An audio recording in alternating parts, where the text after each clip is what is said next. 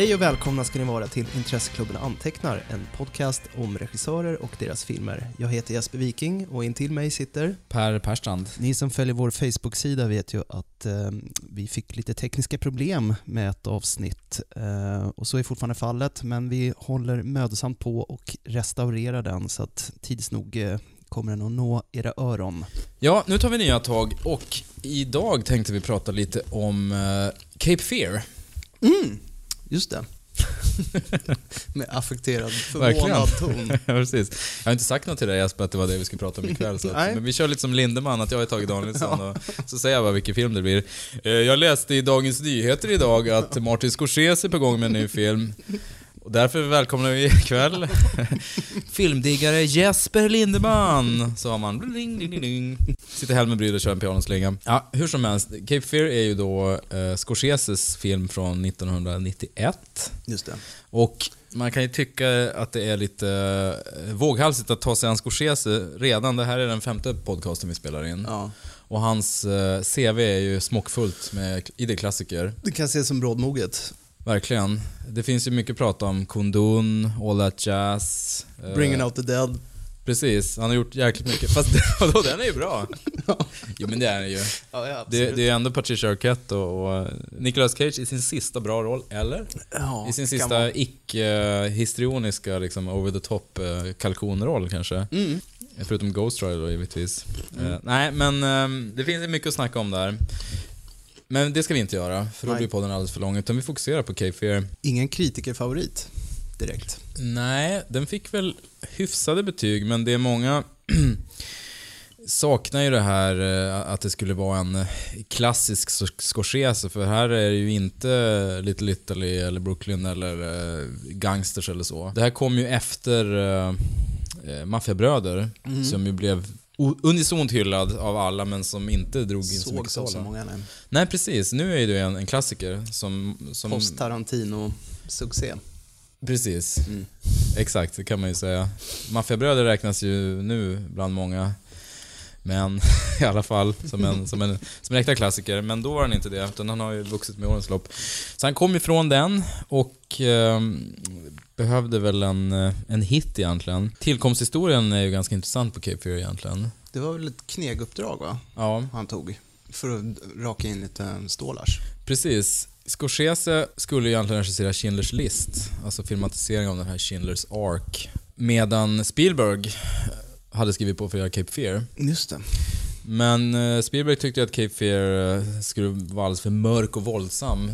Mm. Den var inte så Inte mysig. så livsbejakande. Nej, verkligen inte. frejdig som Schindler's list. Nej, precis. Det var ingen ensamstående mamma och sådär i den heller. Och det var inga manpojkar. Nej. Plus att eh, ja, det tog... Eh, han förstod ju efter ett tag att Schindler's list var ju inte riktigt hans grej. Utan att det var ju Spielbergs drömprojekt. Mm. Enligt legenden så behövde Spielberg då mogna tills han var redo att göra Schindler's list, som förstås tar upp förintelsen och Spielbergs judiska arv och så vidare.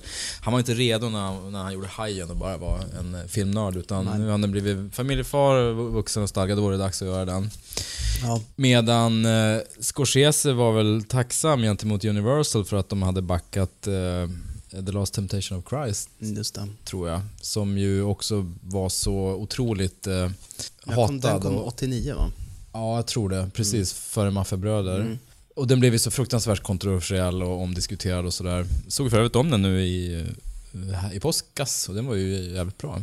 Mm. Det är ju den här som brukar räknas som eh, dialektfestivalen. Ja, det. Brooklyn-skådisar. Brooklyn, Ja. Så Victor Argo och Harvey Keitel glider ner bara Hey Jesus, what you gonna do? och Tell me about it. Precis. what are you gonna do? It is what it is. Men det funkar ganska bra. ja.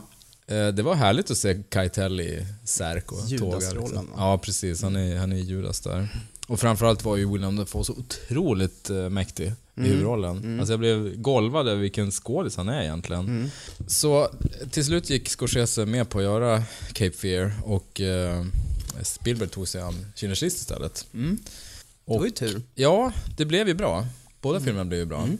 Så att Cape Fear kan man väl säga, på ett sätt räknas den väl som Scorseses minst personliga film. Mm. I det att det handlar inte någonting om hans italienska arv, det handlar inte så mycket... Jo, det är ju lite Det kyrkligt och katolska sådär. arvet finns Ja, det gör det. det. Det handlar ju om skuld och samvete och, och hämnd och sådär. Mm. Och botgörelse. Ja, så det kan man ju säga att hans tema kommer igen. Men han fick ju liksom ett i princip ett färdigt manus, ett, ett färdigt projekt som man bara hoppade in och var direct for hire.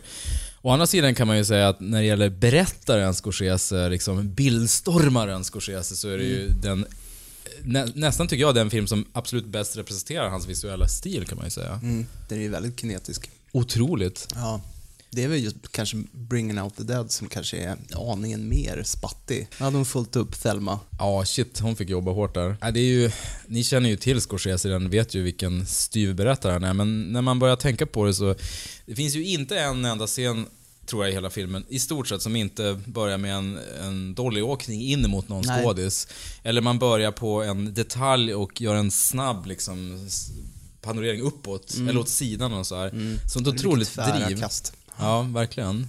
Det var väl många som blev avtända av det också. Att det blev en sån uppvisning i Mm. Grand Guignol. Ja. Men det är väl samma problem folk har som med Brian De Palma, att de tycker att det är showy att hålla på sådär. Ja, det tar över. Ja, men det vet vi att de har ju fel. Ja. Man ska göra film.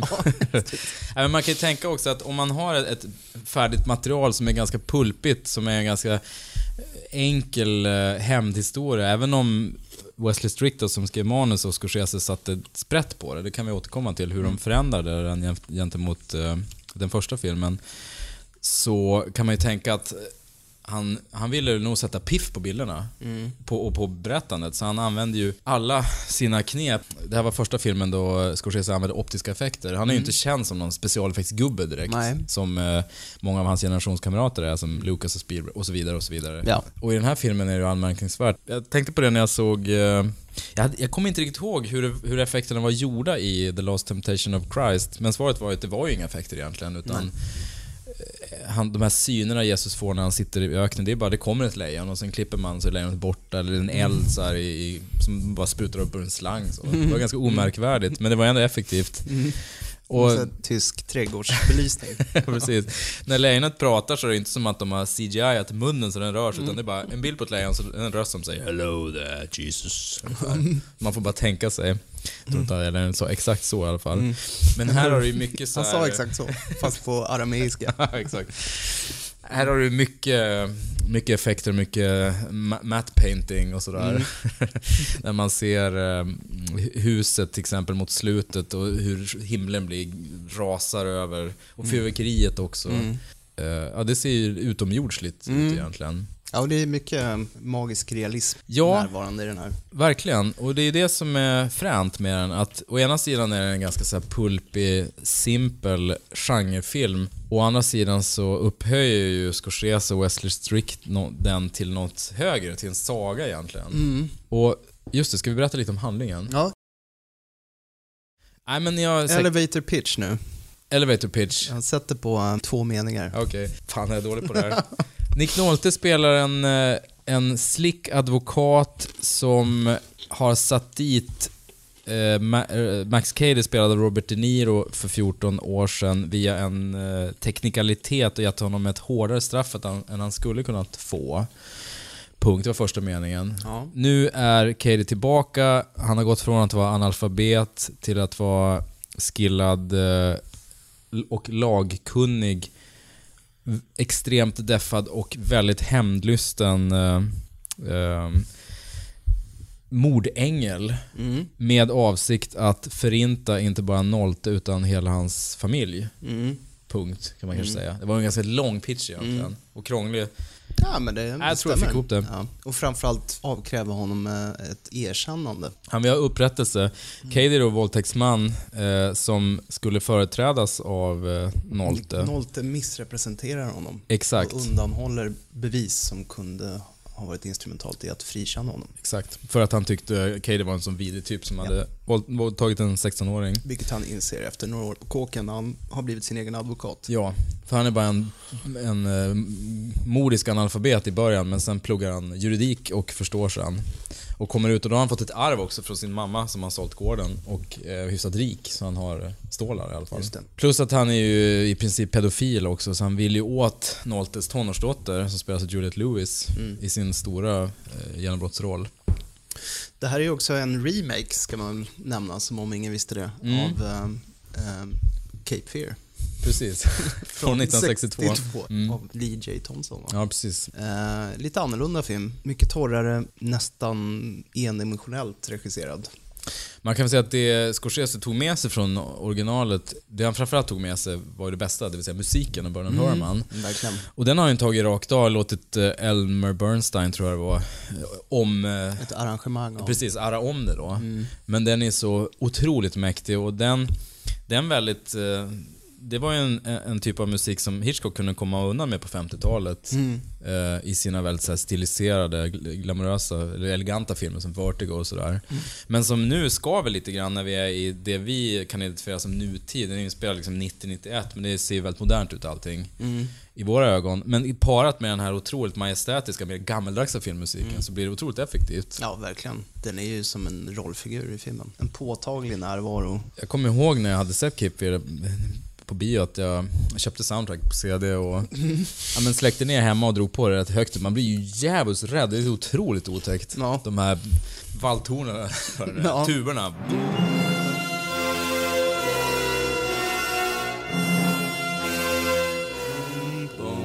Ja, det är så otroligt. Det är ju ett av hans absolut eh, bästa soundtracks. Väldigt ödesmättat. Otroligt ödesmättat och det är inte lika slitet och popkulturellt eh, återanvänt som Psycho-stråkarna till exempel. Nej, Som man nästan eh, exakt. känns lite Eller en gjorda. vemodiga Nej, Vertigo-soundtracket som dyker upp titt som tätt. Mm.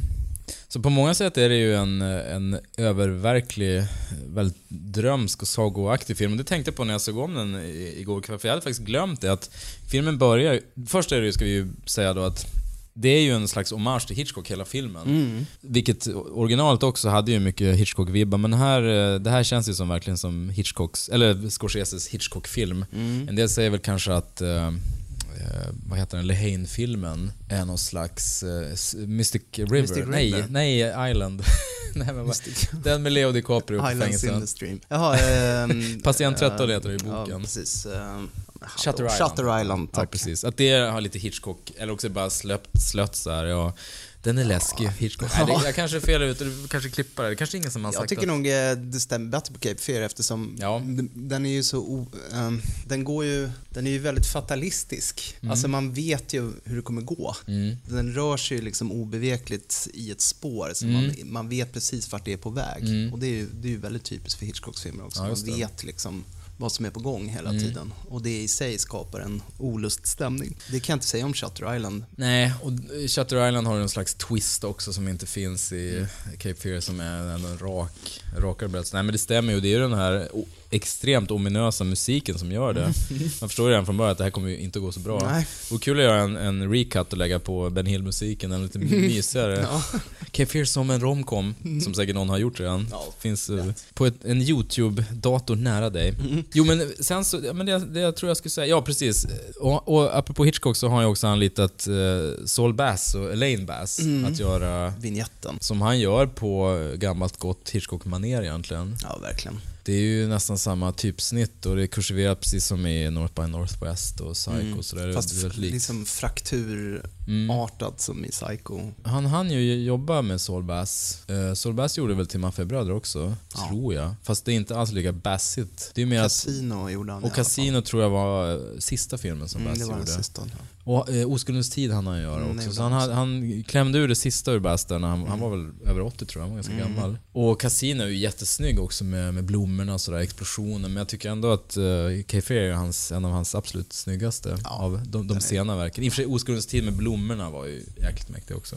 Blommorna och flortygerna och det här Mm. eh, förtäckta. Men nej, jag håller med. Cape Fear är ju är en jättefin vignett. Framförallt den här kontrasten mellan det här stilla vattenripplet och Mm. de här um, hotfulla, överprojicerade. Det, man ser någon svart silhuett som Mm. kommer hotfullt. Sen är det en falk tror jag som kommer flygandes. Mm, Mm, det. sorts jägare. Mm. Så du har Bernard Herrmann, du har Saul Bass, så du slår an Hitchcock-tonen. Mm. Och sen börjar det, vilket jag faktiskt hade glömt. Jag hade för mig att första scenen var när Cady workoutar i fängelset där sista dagen när han blev utsläppt. Men det börjar med en extrem närbild på Juliette Lewis face och hon börjar prata om My Reminiscence. Och hon åt, det är liksom hon som återberättar hela filmen egentligen. Mitt sommarlov. Mm. Det här gjorde jag på skolan. sommarlovet. Ja. Ja. Ett händelserikt sommarlov. Sög en psykopat på tummen och... Exakt. Bråkade med farsan och var på en husbåt. Ja. Sprutade tändvätska i facet på ett psyko. Ja, men jag hade faktiskt mig. också glömt det, hela den här inramningen av filmen. Mm. Som gjorde många av scenerna i filmen vettigare Mm. emellanåt. Jag kommer ihåg att det var det första intrycket jag fick när jag såg den. Det här, är ju, det här kan ju inte stämma. Eller det är liksom för sagolikt som sagt. Mm. Och det återkommer ju flera gånger i filmen. Ja, som den här eh, fyrverkeriscenen till exempel. När eh, de upptäcker att eh, Max Cady sitter på deras eh, tomt, eller på muren till deras tomt. Sitter på. Det är någon sorts, nej det är inte fjärde juli, det är typ den andra juli. Men de håller på med något Mm. och är taggade inför fjärde juli. inte så hålla sig kan inte riktigt. hålla sig. Så de bränner av sig enormt med. Det är så extremt mycket fyrverkerier. Det är liksom Ja. verkligen överdrivet mycket. Och det Mm. pågår så himla länge också. För Mm. att de pågår när de upptäcker honom och de hinner gå ut, kolla tomten, jag kommer in igen, Mm prata, ha en dialog, de hinner ha samlag med varandra och Just somna det. in. Och det håller fortfarande på med fyrverkerierna. Så att det, vi snackar flera timmar. Mm. Och det känns ju direkt som en förvanskad minnesåtergivning av, Ja. av Och även när de är inomhus, så deras ansikten, alla färger där inne får ju de här färgerna av fyrverkeriet också. Och där kör han ju lite David Lynch-grejer också, det att hela bilden blir röd så här, Som Lynch gjorde i Wild Heart, mellan, det blir nästan vignetter, alltså, så här pausbilder om man ska Mm, säga. Precis. Och han, och han eh, gör så att det blir negativt istället för positivt. inverterade, liksom. ja, Precis, precis. inverterade Ja. bilden där. Innan ligget där, som är sista mysiga stunden Nolte och Jessica Lange har egentligen, Ja, innan allting barkar iväg, eh, är det ju så snyggt när Nolte står och borstar tänderna och han säger 'Do that again' De har gjort en så här djup fokus, att han står skitnnära och så ser man henne i bakgrunden. Ja precis, ja, precis. Ja. split focus Ja, just det, split focus. ja. Så snyggt. Det är verkligen så här De Palma-grej också. Mm, det är det. Supervardaglig scen. En snubbe står och borstar tänderna och pratar med sin fru, så har han ju ändå jobbat med bilderna eh, så att det ska lira Ja. hela tiden. Leva. Jättesnyggt. ja, det är jävligt verkligen. snyggt. Ja, nej, men för att gå tillbaka till det här överdrivna. Det är ju det är den aspekten och sen så har vi det här, um, manifesterar sig mer framåt slutet av filmen, men det är ju delvis då bibliska stormen som är plötsligt utspelar sig på den här floden. Mm, verkligen. Som övertrumfar uh, Eh, Perfect Storm. Ja, just det. Alltså just det, det. det känns som att de är i en värre situation än, Ja. än Clooney i Perfect Storm. Verkligen. Och, eh, och sen har vi ju såklart eh, Max Cadys, alltså han är helt oförstörbar. Mm. Han tål vad som helst, kommer tillbaka från säker död tre, Mm. fyra gånger. Och, Mm. Det Nej, men det barkar ju verkligen. När jag insåg hur ramen för filmen var så insåg jag att det här kan ju vara ett barn som återger någonting. Jo, nej, det men blir ju alltså- logiskt på ett sätt då. Precis. Nej, men Scorsese slänger ju in sagoreferenser som när, eh, när Juliette Lewis och Katie har den här berömda tumsugarscenen så ska hon gå till dramasalen och så först ska hon genom en lång, lång kulvert. Hon måste säga hejdå till alla klasskompisar genom några låsta dörrar, så ner för en Tyst, Ner i trappa. källare, precis. Det är Och som sen- att hon går ner i, När hon har ska gått, träffa Freddy Krueger. ja men verkligen, eh, ner i pannrummet liksom. Mm, mm. Och sen kommer den fram till en st- stor aula där du har en scen som verkligen är ett pepparkakshus där det sitter någon häxa, men då kommer Max Cady ut där och börjar snacka. Han har ganska gamla referenser egentligen, Henry Miller och sådär. Ja. Idag hade det varit Ja, eh, det är lite gubbigt. 50 shades of Grey, Ja, men lite gubbigt så här. Ja. Han är verkligen predator. Han, han vet hur han ska spela den här osäkra... Mm. Delvis är det ju otroligt skönt att bli påminn om hur bra De Niro eh, var. De Niro idag, då tänker man ju på pajiga komedier och, Mm. och um, ja, gubbslemsamlag med Carla Gugino. Ja, du tänkte på den här hemska... Righteous Kill. Ja, Righteous Kill. Ja. Uff, vad hemskt den var. Det går liksom inte att gå vidare efter den. karriär på senare år. Så Ja. att, Mm. och sen är ju Juliette Lewis såklart helt fantastisk. Ja. De tillsammans är ju, det är ju verkligen filmmagi. Ja, den är, man kan ju fatta att hon fick sitt stora genombrott. Hon var ju bara 19 tror jag, eller 18 när de här spelades in. Hon är, hon är helt fantastisk. Och sen är det kul att läsa då på IMDB vilka som var erbjudna rollen och tackade nej och så. Man vet aldrig om det där stämmer riktigt. Nej, Men det är alltid så här. Någon så här, Harrison, eller så här, User Just 0043 skrev att Johnny Depp var ju påtänkt för huvudrollen i Indiana Jones, men... eh, Ja, det jag läste mig till var att Drew Barrymore, Jennifer Connelly, Winona Ryder och Christina Applegate antingen Mm. provfilmade eller var erbjudna eller sådär, men det blev inte. Nej. Nu vet man inte hur mycket det stämmer, men man kan ju också tänka sig att Daniel-rollen är ju ganska marginell egentligen, eh, alltså om man tänker på screen time. Sen en stor Mm. drivkraft eftersom Cady är total sleaze är ju att han är ute, han, han ska ju egentligen stjäla, eller hämnas på Nolte, så han vill ju döda Nolte, men först vill han ju förgripa sig på mamman och dottern. Helst medan Nolte ser på som den ultimata hämnden liksom, så han är ju... Men det är ganska lite screentime tills den scenen egentligen, som ju är ganska... Den är ju väldigt obehaglig och stark och sådär. Så man kan ju tänka sig att många tackade nej.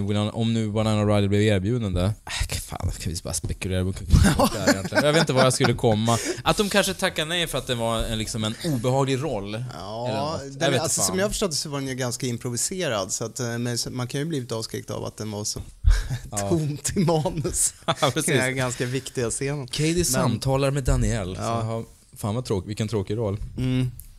Ja, men det är ju en djupt obehaglig scen, samtidigt som den är, den är ju väldigt njutbar att se, bara för att de är så bra gestaltare då. Mm. Men den är ju, jag tänker ju på hur jävla lätt det är att manipulera Mm. en minderårig. Och framförallt i den åldern som, som hon är i filmen, vad hon nu ska vara 15-16, Mm. när man är liksom total vilsen och, eh, Jo men hennes och familj... oerhört eh, mottaglig för smicker. Och, Ja. Och hon är inte... Hon är inte riktigt sedd av sina föräldrar som har fullt upp med sina egna problem och Nej. sina egna bråk. Så hon, hon, litar ju inte på dem för fem öre. Nej, nej men hon har ju... I, I den åldern man inser att ens föräldrar är felbara. Exakt. Och Katie är så skicklig för han, han skapar ju ett vi, liksom det är vi mot dem. Eller jag, jag är inte en del av vuxenvärlden. Sitter och röker på så här. Oops, did I get caught? Du tänkte skvallra va? Supermanipulativ. Mm. Och menar på att han och Daniel ska hitta det här hålrummet som inte är den förljugna föräldragenerationen. De är liksom korrupta. Mm. Men det, det, det är ju det som är... De, de två smarta dragen som var nödvändiga för att det här skulle bli en intressant film som uh, Scorsese och Wesley Strickland och manusförfattaren gjorde var ju dels att, jämfört med originalet tänkte jag, Mm. dels att Nolte då är ju dirt i den här filmen. Han Ja. är ju inte clean cut, för det var väl. Gregory Peck i Ja, originalet. gud ja. Han är ju Han var ju verkligen en, en hyvens karl. duktig av Guds nåde. svårt att tänka sig Peck spela något annat Nej. än en Precis. fyrkant. Dels det som faktiskt har eh, begått ett, ett brott. Plus att han är ju eh, en... Eh, I originalet så var han ju dessutom bara en, ett vittne. Han är den vittnen som pekar ut Katie alltså. Så det är därför Ja, det är instrumentalt, precis. Just det. Jo, men det andra jag skulle säga var ju...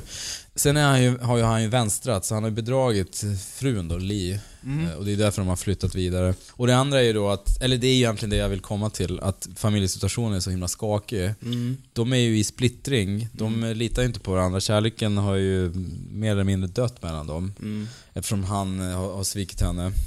Och hon är liksom neurotisk och uttråkad och har varit deprimerad och de har glidit ifrån varandra och sådär. Ja, De har flyttat till en New Essex för att börja på nytt lite grann. Precis. Man märker hon har ju aldrig riktigt släppt sitt förakt för honom Nej. För att hon nålar honom hela tiden med små gliringar och Jo men Janet Leigh är ju... Nej förlåt, hon heter ju Lee som en hyllning till Janet Leigh. Men eh, Jessica Lange, Jessica Lange. är ju fantastisk. Filmhistoriens snyggaste grafiska formgivare. Eller som Åsa sa, kanske bara snyggaste i filmhistorien. Ja, verkligen. Punkt slut. Jo men det kan man lugnt säga. Mm. Men jag tänkte fråga det, du som är grafisk formgivare. Jag såg om den så tänkte jag, fan vilka fula skisser hon gör Ja, alltså. Jobbar på movement så hon gör någon sån här ful vinge. Nu får man ju- alltså Så det är ju, Idé ett. Ja. Resebyrå, vi gör något med rörelse. det är ju i och för sig trygghet. Till hans försvar kan man ju säga att det är ju på skissstadiet verkligen. Det är första utkasten kanske. Man anar ju några senare... Första idén här. Nej men precis, nu ska jag inte sitta och dissa hennes idéer. Man anar ju på skissbordet lite mer avancerade, det är där det ser hyfsat ut men Mm. hon, hon ser ganska, det ser ju ganska kackigt ut det hon har gjort om Det är ju förmodligen. Saul Bass som har gjort dem. Skulle jag tro. Ja, på en kafferast egentligen. Han kan inte ha lagt ner så mycket jobb på Men det. du, eh, vi behöver, eh, kan du? Ja, nej jag vet. Alla de här assnygga loggorna som Bass gjorde till typ AT&T eller vilka det nu var, de måste ju ha börjat någonstans på Ja, skissbordet. precis. Ut Men som så är det ju. Ja. Ja, det är roligt just med grafiska formgivare på film, för jag kom, det är typ den här Heat och eh, De Niros flickvän. Är det eh, eh, just det, Amy är- Brenneman ja, som han träffade Ja, hon är grafisk designer. det. Det finns säkert fler, men Ja, ja, serietecknare finns det ibland. ja och är- arkitekter finns det ganska Ja, just det. Men just grafiska former, nej det är, Nej, väl det är ganska svårt. vagt Det är för att typ ingen vet att det yrket finns. Nej, arkitekt det är George Känd Costanzas drömyrke. Han vill ju vara arkitekt. Ja. Men just grafisk formgivare, nej men det stämmer faktiskt. Men två av tre ändå, Amy Brenneman är ju, är ju fantastisk i Heat. Ja. Hänger på bibliotek, eller på bokaffären där. Mm. Så mysigt. How I Met Your Mother story. Sen skulle du iväg mot ett nytt liv, men jag var tvungen att... Jag var bara tvungen att besöka Wayne Grove. Nu pratar vi om en helt annan film. Ja, verkligen. Det var dumt. Vidriga Ja. filmkaraktärer, topp 10 är ju Wayne Grove. Det i alla fall. Nej men Cape Fear är ju, den var ju, ehm, det var ju hans största publiksuccé ganska länge, Mm. tills Gangs of New York. Men det var väl också lite av en sån här eh, highbrow slasher för folk som inte gillar skräck. I originalfilmen så så är ju Max Cady-figuren som då spelades av Pug Henry, är det enda jag har i mitt huvud just nu. Ja, Robert Mitchum, Robert Mitchum, tack ska du ha. hans Ja, största en roll. Pugg. Han var ju en mycket enklare antagonist. Han var ju verkligen en, eh, en töll. Ja, mer en brutal Han cell. brutal sälle. Han var, han var gatusmart. Mm. Men De Niros Cady, han är ju en sorts Übermensch. Mm. Han är ju smartare och starkare än de flesta. Mm. Tack vare sin uh, obevekliga träning på kåken. Mm. Att han är så driven. Precis, ja driven kan man ju lugnt säga. Det sägs ju att De Niro deffade sig så hårt så han var nere på, bara hade 4% kroppsfett. Kroppsfett. Jag, jag vet inte vad det säger, hur mycket kropp, kropp, kroppsfett ska man ha? 100%? 50%? Ja, nej, 4% tror jag nog är... Då har man ju i stort sett bara muskler. Ja. Och han, han ser ju riktigt härlig ut. Nej men rollfiguren är ju, han är ju, kan ju vara väldigt manipulativ som sagt, väldigt charmig och rolig. Som när han, när han chattar upp Iliana Douglas på, på baren där så är han ju ett charmtroll. Även om han är... på gränsen till um, odräglig. Ja, nej men man, ty, man tycker ju aldrig om honom och det är inte bara för att man vet vad han har gjort, men det är aldrig något försök, tycker jag, av Scorsese att skildra honom som en så här lovable psycho eller något sånt. Nej. Utan han är ge, genomvidrig kan man säga. Men han, han tar ju liksom det moraliska högsätet också eftersom han, han vet ju att Noltes svaga punkt är ju att han har dels sett mellan fingrarna och dels är en, en, ja, en omoralisk helt enkelt. Han bedrar sin fru och är väl korrupt. Ja, alltså, ja, det är ju verkligen en stor skillnad. För Gregory Pecks karaktär, han var ju verkligen en, en clean cut, wholesome Mm. eh, family man. Nick Noltes... Cut wholesome family man som det heter på svenska. Det finns inga svenska motsvarigheter till de uttrycken. Så. jag kommer inte på dem just nu. Nolte kör ju Volvo för övrigt. Ja, jag vet. Jag såg det. Ja, jo, men det är ju också en del av hans affekt att vara den här gode familjemannen. Trygghetsmarkören, Ja.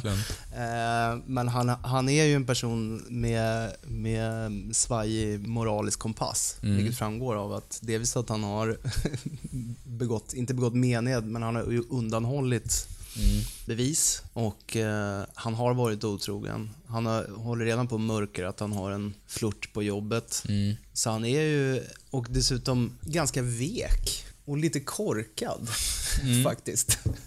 Han är ju, jag tänker på det, den här första scenen när Katie konfronterar han, eller advokaten och han rycker hans bilnycklar. Mm. Han så här, står och hänger över bilen som en stor Hulk. Så här, Och sitter Nick Nolte liksom nästan överdrivet krummig Mm. och tittar upp genom, genom bilfönstret. Det är en så här underdånig Mm. position. Som en så här hund som viker sig för en Mm. alfahanne.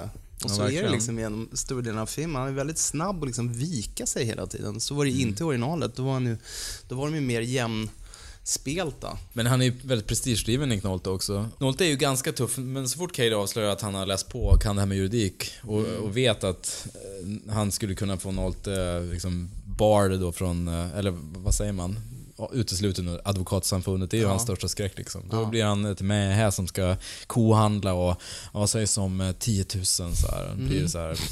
Cade bara Ja. garvar. Let's break it down, ska hålla på och räkna Det är det egentligen dagen. typ enda, enda scenen i filmen då man sympatiserar med ju Ja, lite grann. man nästan tar illa vid sig av det där förslaget själv. Skambud. Ja, det är ett. Mm. skambud, det är ett skambud. Oavsett vem det riktar sig till.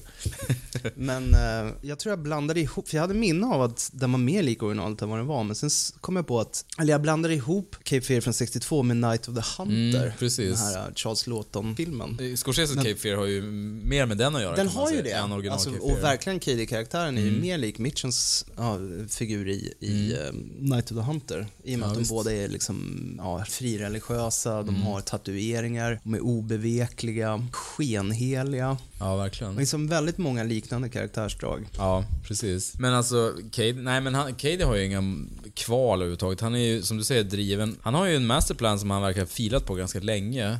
Han, han går ju väldigt metodiskt tillväga. Mm. Han våldtar ju Elena Douglas för han vet att hon, dels att det kommer att, precis som Nolte säger då till Jessica Lange, att han gör det för, för att så ett split mellan oss liksom. Ja. Och dels för att han vet att eftersom hon är inom rättssystemet kommer hon aldrig vilja vittna eftersom det ser ut som det gör. Man blir alltid ifrågasatt som när man är full kvinna går på krogen för då ber man om att bli våldtagen. Eh, redan så var det på den tiden. Det har Ja. inte hänt så mycket. Och sen så, han, han har ju verkligen eh, planerat hela, hela sin hämnd plan från början till slut egentligen. Ja, det är ingen originell vinkling på det hela, men han blir ju som du sa tidigare en, en, sorts hämndens ängel. Att han är som en representant för Nick Noltes rollfigurs mörka sida Mm. som han konfronteras med. Att den är så lik Secret Window, den här Ja, den filmen med Johnny Depp Ja, som baserar sig på Stephen King-novellen. Där han också blir, får en, en inkräktare som är en bondläpp från södern Mm. som avkräver rättvisa för att han har blivit John Turturro är det va? Bestulen, ja exakt. det. På, i, I det fallet en roman då. Mm. I det här fallet 14 år av sitt liv. Han blir ju liksom lite som Nick Noltes stormande id på något sätt som Mm. kommer och, och, och kräver att bli, få erkännelse. Ja, det är ju det är ju väldigt, som du säger, fatalistiskt att man kan eh, man kan liksom trycka undan sina synder så länge det går, men till slut så kommer de tillbaka. Mm. Till slut får man ta straffet. Jag tänkte på det i slutet också, för han säger så här. Eh, Nick Nolte står, han står och, så här, med ett stenblock och ska mosa Cadies huvud. Mm. Så säger han, I'm gonna kill you. I'm gonna kill you! You already sacrificed me, Counselor! Och det kan ju syfta till eh, rättegången såklart, men, Mm. men det är också så att han har förnekat honom. Nu drar jag jättemycket amatörpsykologiska Nej, växlar det på det är- här. Att han är någon sorts representant för det också. Mm. Den mörka delen av, av Nick Noltes psyke. Mm. Grundkurs i psykologi, om du möter en person som du stör dig på eller tycker uppfattas som obehaglig så är det ofta för att de uppvisar personlighetsdrag som man har själv, Mm. men försöker förtränga. Jo men på ett sätt kan man ju säga att han försöker locka fram Danielles eh, id också. Mm. Hennes eh, liksom blommande sexdrift vad man kan säga. Eh, hennes mörka tankar om familjen, att hon vill bort från dem. Och likaså så lockar han ju fram Jessica Langs, eh, hon har ju någon depression hon har gått igenom. Lockar ju fram hennes hat mot Nolte också. Mm. Det här sveket han har begått. Samtidigt som i början av filmen är hon ju lite kittlad också att det händer något i hennes tråkiga liv. Hon tycker det är lite spännande så här. Ja, precis. Och det finns ju den här scenen när Katie kommer med, med hundhalsbandet och det är nästan lite flörtig stämning. Mm. Till en början. Till en början, ja precis. Sen så börjar hon tycka att det är lite obehagligt. Sen är det ju det här bibliska temat också. Det är ju ganska tydligt, framförallt när Nick Nolte får så här stigmata Ja, på slutet, ska tvätta bort blodet från sina handflat. Men det är ju också det här, äh, de tar in, äh, vad heter han, Kursek, äh, Mm. Joe Don Baker, härliga Joe Don Bakers dekis privatdeckare. De riggar ju en fälla för Max Cady i hemmet och han, du vet, binder den här fisketråden runt... Oerhört analogt, ja, verkligen. ja, verkligen så här, inte state of the art. Men då fäller han någon kommentar han säger så här, äh, The bear moves a quarter of an inch. I know if the Holy Ghost is sneaking in.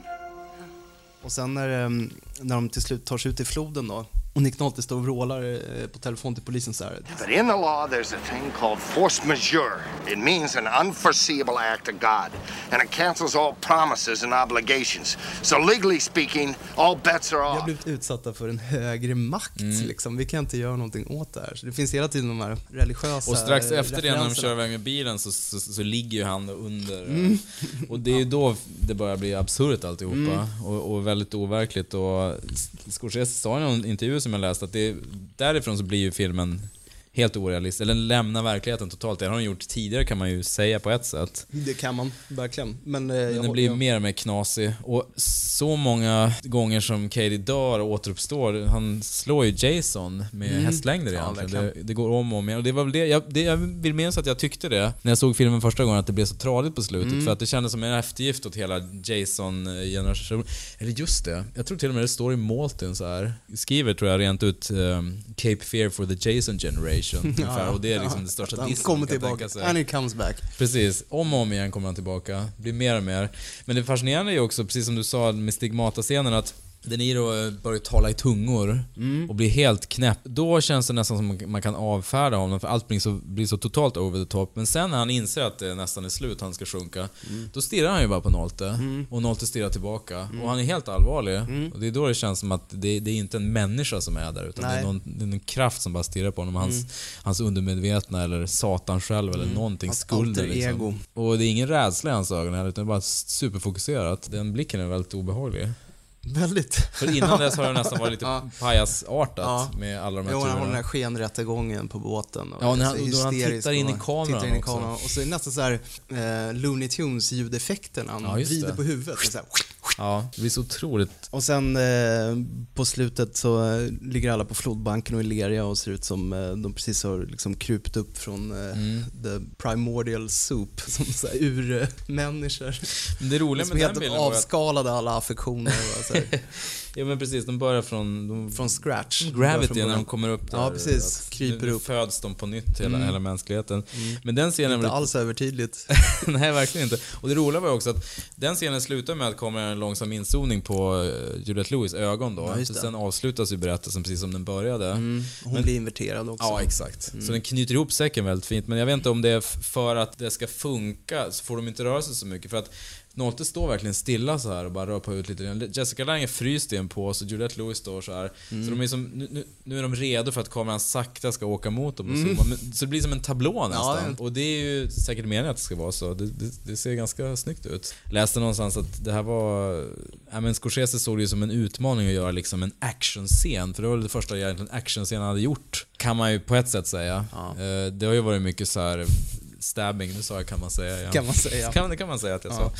Nej, det var ju otroligt mycket våldsscener givetvis genom hela Scorseses karriär, men det här var ju mer en... Äventyrsscen. Ja men precis, han höll på att storyboarda Ja, på den här stor scenen jättelänge och tog flera veckor att filma och man kan ju ifrågasätta om det var värt det. Man skulle kunna klippa ner den ändå men Mm. det är klart, det har ju att göra med den här, det är ju som du sa tidigare, den här syndafloden verkligen. Mm.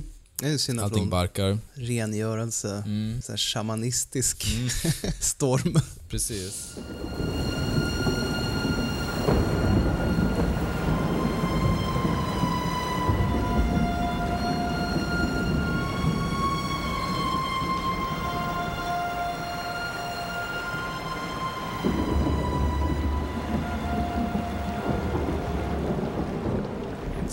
Men alltså, Kursek måste vi återkomma till. Ja, Kursek. Spelad Joe Don Baker. Kursek. En av absolut, sina absolut bästa roller. Han är med i Fletch också, som bekant. Den är den här superkorrupta polischefen. Just det. Ja, men jag blir förvånad hur jävla medioker han är som privatdeckare. Ja. Han är ju inte så slipad riktigt. Som du sa Nej. Mm. tidigare, han är lite puckad egentligen. Han underskattar ju Cady ganska grovt. Ja, det gör han verkligen. Och han är så dålig på skugga, han sitter och käkar sig, Cady sitter tre meter bort. Och Cady skickar ju, bjuder ju på notan. Ja. Det är ju ingen gåta liksom att han har blivit made av Caden om hans skuggningsskills är så pass eh, grunda. Ja, och sen dessutom man liksom krämer sig fast vid den. Han kan ju inte få så många kunder eftersom Nick Nolte ifrågasätter all, alla förslag han kommer med och sen när de har kommit överens om något då går Nick Nolte och underminerar allting de har bestämt gemensamt. Men så här, ja, men vi ska låta några puckla på Mm. Ja. Cady. Det går han omedelbart och skvallrar för Cady att det kommer ske. Och sen är han med där också, gömmer sig. Varför är han... Det är otroligt riskabelt att, för honom att vara där. Nej, jag, ja, jag tror han får en kick. Han vill väl se honom bli Ja. plågad. Jo, klart, då är han ju i hämnd-mode. Nolte. Också liksom en indikation på hans... Jo, men han, han njuter ju av... Precis. Counselor? Counselor? Could you be there? Could you be there?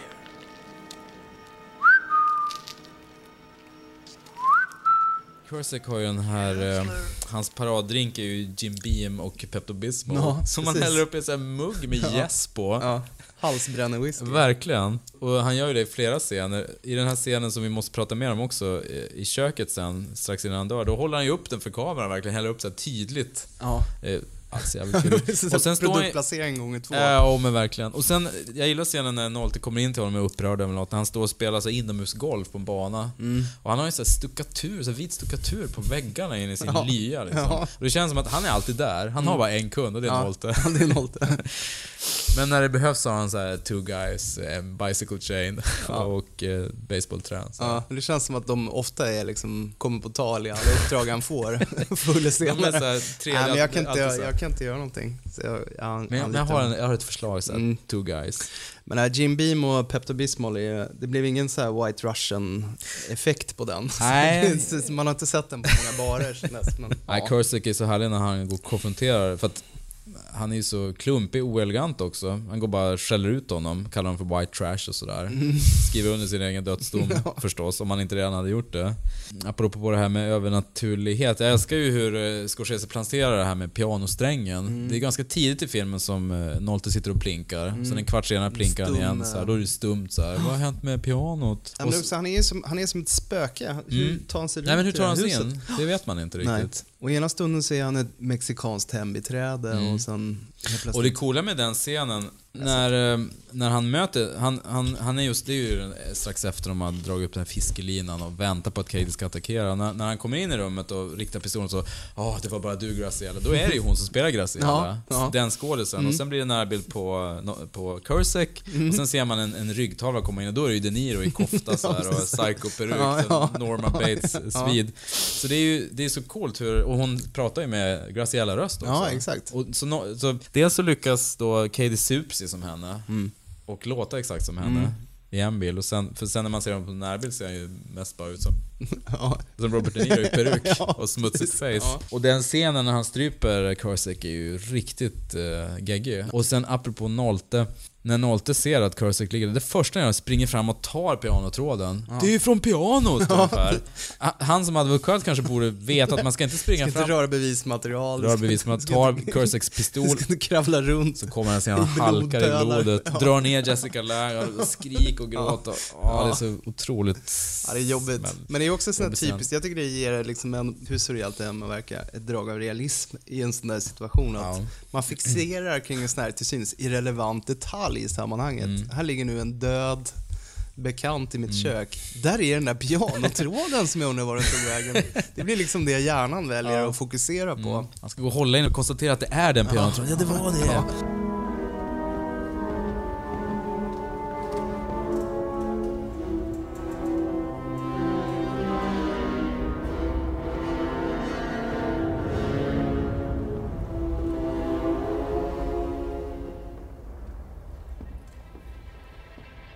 Alltså det känns ju inte som ett lika lättköpt slut som eh, eh, Farligt begär. Nej men den andra Michael Douglas-filmen. Ja, eh, Men herregud, nu börjar det här. farliga förbindelser. Farliga förbindelser. Den när han är gift med hette Archer och Glenn Close kokar. Dödligt begär va? Farligt begär? Dödligt begär. Nej, Nej, inte dödligt begär. Farligt begär hette, det var Liaison Dangerös. Ja, okej.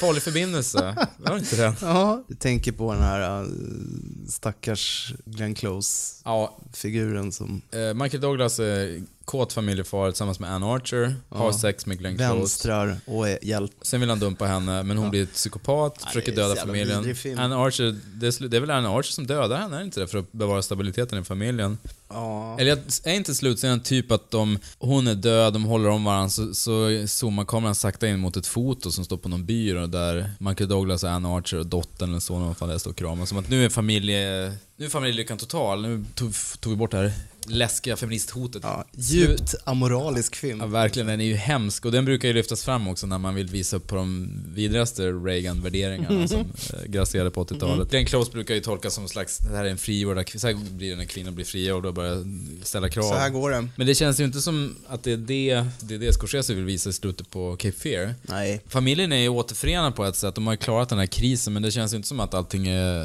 hunky efter det. De har ju vädrat en del Mm. smutsigt byk ja. under resans Mm. gång. Jessica Langs uh, Lee, hon säger väl något till för att hon är intresserad av att veta hur starka de är som Mm. familj, eller hur veka de är. Mm. Ja, det får hon ju verkligen veta.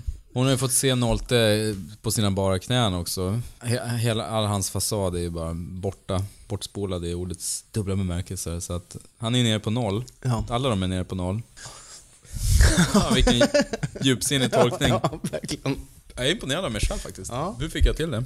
Jag tror inte Cape Fear finns i någon smarrig utgåva tyvärr. Det finns väl så här Blu-ray 3 för 99 på Willys i princip. Det finns ingen ny eh, Blu-ray va? Nej. Nej, okej. Exakt. Jag har någon DVD-utgåva där det följer med en sån här making of DVD. Men Scorsese är ju eh, ökänd nästan för att han gör ju inga kommentarer riktigt. Nej. Det brukar ju inte vara så rikligt bakom material där. Men... eh, Det är lite synd. Ja, det är tråkigt. Scorsese tycker väl det är roligare att prata om andras filmer. Särskilt Ja. om det är någon Ja, är Frank. Borzage eller Fritz Lang eller någon Ja, 50 exakt. 50-talsgubbe. Ja. Som John Ford eller något sånt där. Då Mm. kan han ju... Men se om uh, Cape Fear om ni inte har gjort det på länge. Och har ni inte sett den alls så måste ni se. Nu har vi spoilat hela handlingen men den är ändå värd att se. Det kommer bara förhöja den. Mm. Absolut. Som alla podcaster vi gör om filmer så blir filmerna bättre Ja. när man ser om den. Mm. Det var allt för idag. Vi återkommer inom kort, som vi brukar göra nu för tiden, med en eh, topp tre. Nu för, det var bättre förr i tiden. Nu för tiden gör vi så här. Vi har en topp tre som knyter an till dagens tema. Den får ni hålla utkik efter, kommer eh, inom kort och ni hittar den på det sedvanliga stället på iTunes. Eh, har ni någonting på hjärtat så får ni gärna mejla oss på ikapodcast@gmail.com, alltså ikapodcast at gmail.com. Jag lovar, vi läser alla brev även om vi inte hinner svara på alla. Så läser vi alla, ska ni veta. Så det är bara att höra av er. Spamfiltret. Spamfiltret på. Där får ni gärna önska någonting. Till exempel om man vill ha en hälsning till någon. Mm. Eller om man önskar en låt. Mm. Eller önska en regissör vi ska prata om. Eller en filmskapare. Absolut. Tack så mycket. Hej då. Vi skulle ju sluta säga tack. Sorry, vad fan säger man då? Kram? Eller kött om? Puss.